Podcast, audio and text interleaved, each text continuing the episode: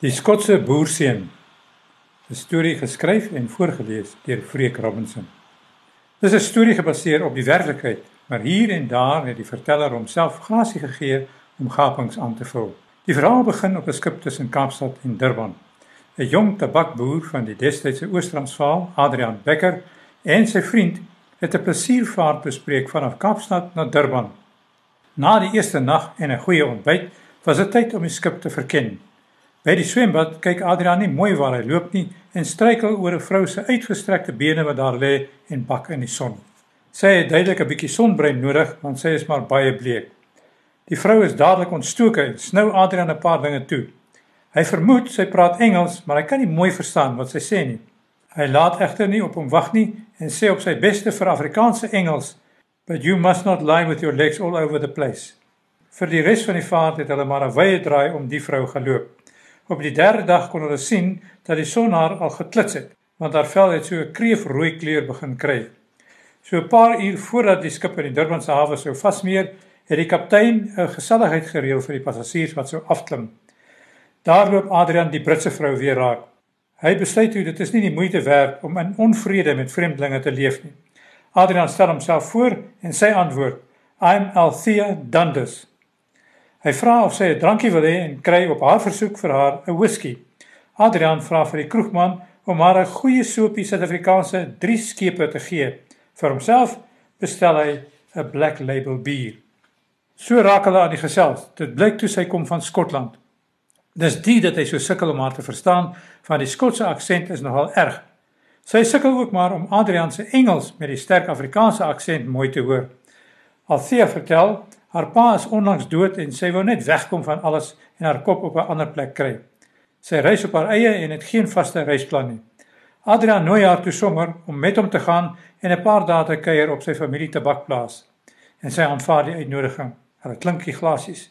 Hy merk toe dat sy skaars aan die whisky met die drie skepe geproe het. Adrian groet sy vriend en hy en Althea stap aan wal. Daar vind hulle 'n bestuurder en bakkie wat spesiaal deur die familieplaas se mense gereël is om hulle plaas toe te vat. Hy het vooruit sy bejaarde ouers laat weet dat hy 'n Skotse gas genooi het om 'n paar dae by hulle te kuier. As groot tabakboere weet hulle hoe om buitelandse gaste te trakteer. Hulle moet dit van tyd tot tyd doen met potensiële tabakkopers. Op die pad het die twee jong mense baie tyd om te gesels. Adrian kom agter Althea wil nie eintlik oor haar gesinsake praat nie, behalwe om te sê dat sy van 'n ou Skotse familie is. Op die plaas word sy gul ontvang en onthaal. Adrian wys haar op die plaas rond, die uitgestrekte landerye, die sorteerskuur en verpakkingsarea. Dit is duidelik dat hulle vorentoe boer. Adrian is in die proses om by sy pa te begin oorneem. Kort voor lank sal hy die eienaar van die groot plaas wees. Althea vra insiggewende vrae. Sy het kennelik 'n bietjie landboukennis. Na 'n paar dae vra sy Adrian, so sy hom noem, om saam met haar Skotland toe te gaan om te sien waar sy bly. Onderweg doen hulle eers Suidwes-Afrika, later Namibië aan vir 'n woestynervaring. Hulle verhouding vlot mooi. In Londen aangekom, moes hulle eers vir 'n paar ure wag vir 'n aansluitingsvlug na Edinburgh in Skotland. Adrian het 'n bietjie oorweldig gevoel deur die groot Heathrow lughawe.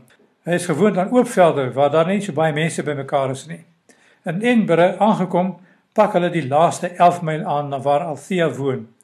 Op 'n stadium stop sy die motor. Sy wys vir hom 'n allemintige herehuis so end weg op die landgoed. Dit is in 'n U-vorm gebou. Die middelste gedeelte is groot met drie verdiepings.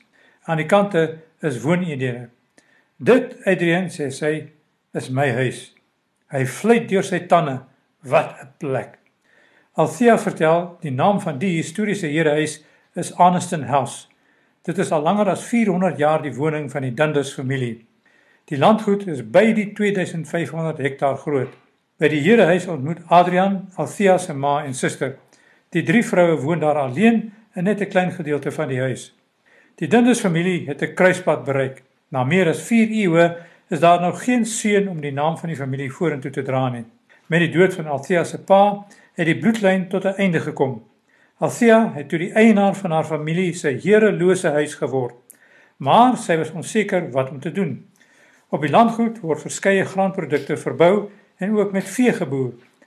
Daar was ook natuurlike woude.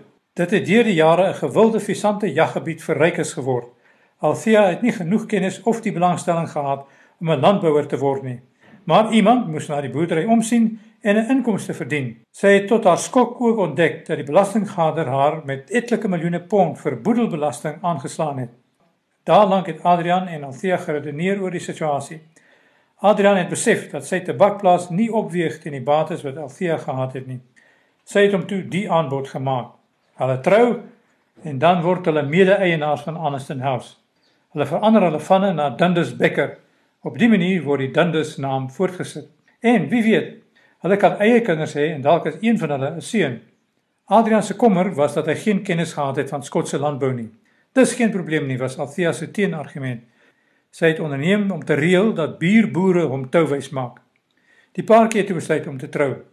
Hulle het die troue in Suidwes-Afrika, Namibië gehou en dit is op neutrale grond. Dit is waar hulle liefde eintlik vlam gevat het.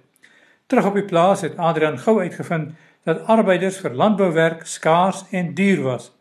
Hy nader toe die Suid-Afrikaanse konsul-generaal in Glasgow met die versoek dat hulle hom moet help met die papierwerk sodat hy, soos hy dit gestel het, 'n boeing vol arbeiders van Suid-Afrika af kon invoer om die werk te doen.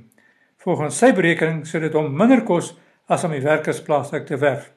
Dit het mooi praat gekos om hom van die idee te laat afsien. Gegee dat dit toe nog diep in die apartheidsjare was, sou 'n mens jou net kon voorstel hoe bloot net die amptelike versoek om sulke werkers in te voer grootskaalse drama sou veroorsaak. Adrian het toe vir 'n jaar of wat by boere in Skotland gaan bly om die boerdery van naderby te leer ken. Althea het intussen met die Skotse Gedenkwaardigheidsstigting gereël dat die instansie hulle 'n maandelikse bedrag betaal vir die instandhouding van die geskiedkundige Aniston House. Dit het gehelp, maar dit was nie genoeg nie. Adrian moes sy slag kry met die boerdery en jagtogte sodat genoeg wins gemaak kon word om die belastinggaander te betaal en nog leefgeld te hê. Daar was nie vooruitsig dat hulle dit wel reg sou kon kry. En dit is waar ons in die prentjie inkom. Suid-Afrika se konsul-generaal in Glasgow het ons vertel van die boerseun wat deel geword het van 'n gesiene Skotse familie. Dit het geklink na 'n goeie storie. Sy het met die Dindese gereël dat ons 'n bietjie daar kan skiet en hulle storie vertel. Ek en die kameraman JJ is toe Fort Skotland toe. Die skiet sou begin in die groot eetsaal van die Herehuis. Die Suid-Afrikaanse diplomaat het die geleentheid gebruik om 'n formele diner te reël met uitgenooide belangrike gaste van die Skotse samelewing. Ons het so amper skemer by die herehuis aangekom. Op die trappies by die groot voordeur het 'n figuur gestaan. Ons het ons toerusting uit die motor gehaal en nader gestaan. Die figuur was toe Adrian Dandes Becker. Hy het op die stoep gestaan om al die gaste persoonlik te ontvang en te verwelkom. Hy het sy Skotse rokkie van die Dandes familie aangetree met velskoene aan die voete en 'n pyp in die mond. Adrian het ons hartlik verwelkom, bly om weer 'n bietjie Afrikaans te hoor. Hy het ons aan 'n paar skotte voorgestel. Dis joviale mense wat die boers en Adrian in hulle gemeenskap opgeneem het. Toe moes ons aansit vir die diner. Dit was 'n deftige affære met silwer eetgerei en kristalglase, gevul met Suid-Afrikaanse wyn. Later die aand toe al die gaste weg was, het Adrian ons na die smoking room geneem. Dit was ook 'n biblioteek en studeerkamer. Daar was duisende boeke in rakke opgestamel tot byna teen die hoë plafon. Teen die middelmuur was daar 'n groot kaggel. As die lang koue en donker winters van Skotland omvang, vertel hy, het hy sy braaigoed uitgehaal en sommer net daar in die kaggel 'n choppie gebraai. Waarmee hy nie rekening gehou het nie, is dat die rook van vleisbraaivure heelwat vet bevat. 'n Kenner van boeke rehabilitasie het hulle daarop gewys. Dit kos toe 'n hele klompie pond om die boeke te laat skoonmaak. En dit was die einde van die braaiery in die kaggel. Maar kom ek gaan wys julle ietsie, sê hy. Hy neem ons na die kelder onder die huis. Daar wys hy ons 'n groot steen standbeeld van 'n leeu wat sit, seker so 'n heuphoogte groot. Die ding het so 'n lelike grynsdag en hy's alle kleure van die reënboog geverf. Adrian vertel hy het maande gelede met sy trekker naby die huis aan die sykant geploeg. Skielik het die ploeg vasgesit. Hy stop toe en sien daar is iets wat die ploeg keer. Hy kry 'n paar man en hulle grawe. Daar haal hulle toe die leeu uit. Hy laat die ding eenkant gooi en gaan aan met sy ploery. Later wonder hy of daar nie 'n nut kan wees vir die lelike leeu nie. Hy kry toe die plan dat die leeu 'n voelverskrikker kan wees in sy vrugteboord. Eers het hy dit met alle kleure geverf en toe in die boord geplaas. En sien daar, wraggies, dit het gewerk, minstens vir 'n tyd. Althea het toe al 'n tyd gelede begin om Aniston House te bemark as 'n toeristebesienswaardigheid. In die somer kom daar dikwels groepe wat dan op 'n toer deur die huis geneem word.